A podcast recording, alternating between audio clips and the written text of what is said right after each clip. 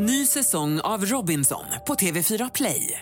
Hetta, storm, hunger. Det har hela tiden varit en kamp.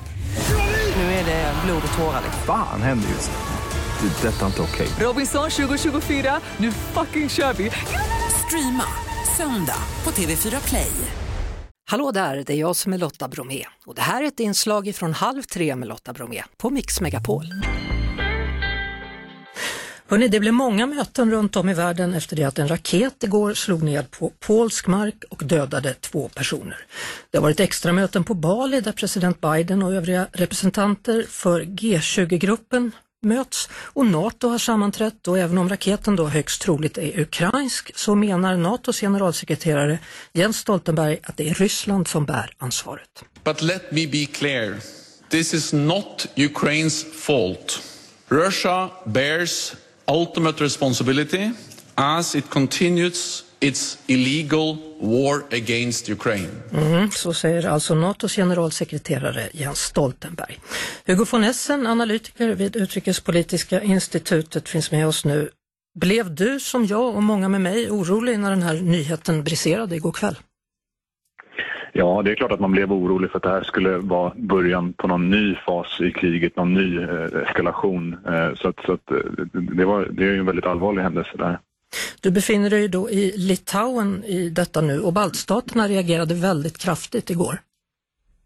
Ja, precis. Representanter för alla tre baltstater var ju väldigt tydliga och väldigt snabba i sin, sin reaktion och respons på det här. Och det, det är såklart förståeligt. Baltstaterna är ju Natos östfront mot Ryssland och de är väl kanske de som är eh, allra mest nervösa för att det här kriget ska eskalera eller på något sätt eh, utökas. Mm. Ryssland sa ju ganska tidigt då att det är inte vi som har gjort det här utan det är en provokation från Polens och västs sida. Då, då. Kommer de vilja ha en ursäkt nu tror du? Eh, ja, det kommer ryska företrädare antagligen be om. Eh, samtidigt så eh, är ju precis som, precis som Jens Stoltenberg sa så är det ju här såklart ett resultat av Rysslands krig mot Ukraina. Så det är ju Ryssland som har ansvaret för, för det som händer. Är det förvånande att något sånt här inte har hänt tidigare? På ett sätt med tanke på att kriget ändå har pågått så pass länge nu i, i 8-9 månader så, så, är det förvånande att det här, eh, att vi inte sett något annat så här misstag. Eh, det, det, är ju stor, stor risk för den här typen av misstag och vi kanske kommer få se ytterligare sådana, vilket såklart gör det ju farligt och ökar risken för, för en eskalation. Ja, för det som kan hända då är att någonting träffar någonting som tillhör NATOs område och då kan det bli verkligen åt skogen. Ja, precis. Och, nu sitter man ju och diskuterar eh, i Nato mellan de olika länderna hur man ska hantera den här, den här situationen som har uppkommit om Polen ska aktivera den här artikel 4 som handlar om att NATO-länderna ska samlas för att konsultera och sen ge eventuellt stöd till det landet vars säkerhet hotas då i det här fallet Polen. Mm. Eh, Sverige har ju då tidigt i morse då sagt att vi ska ge mer hjälp åt Ukraina, både militär hjälp och annan typ av hjälp. Eh, kommer det bli så att även NATO kommer ge mer vapen och USA i förlängningen? Ja, jag tror ändå att den här händelsen får som konsekvens att det blir större press på Nato och västvärlden att nu, eh, att nu ge ännu mer militärt stöd till Ukraina och försöka stoppa Ryssland ännu bättre. Så att på så sätt är det här en positiv händelse för, för Ukraina och antagligen ett ganska stort bakslag för, för Rysslands del som, som kan få, få viktig effekt på, på kriget. Det har ju bland annat pratats om att införa en sån här flygförbudszon i västra Ukraina nära gränserna mot andra NATO-länder. Det skulle kunna få en viktig, viktig påverkan på kriget också. Mm.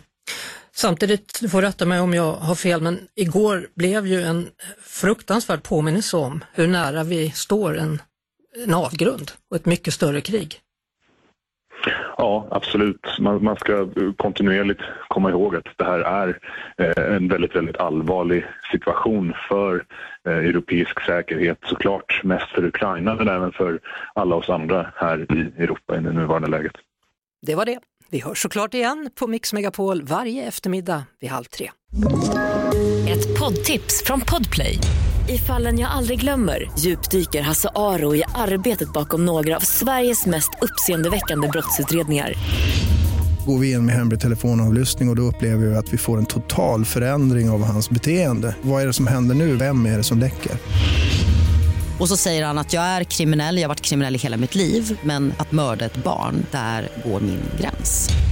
Nya säsongen av Fallen jag aldrig glömmer på Podplay.